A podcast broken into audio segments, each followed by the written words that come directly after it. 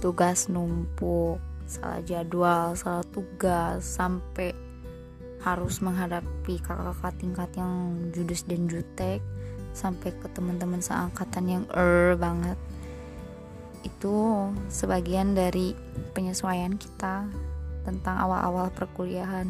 Di mana itu nggak gak se creepy yang kita bayangkan.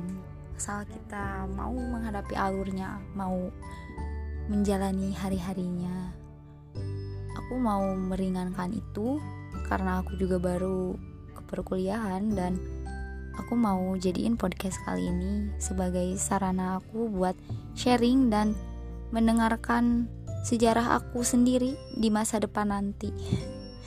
Dan aku pengen ngajak kalian buat yuk bisa kok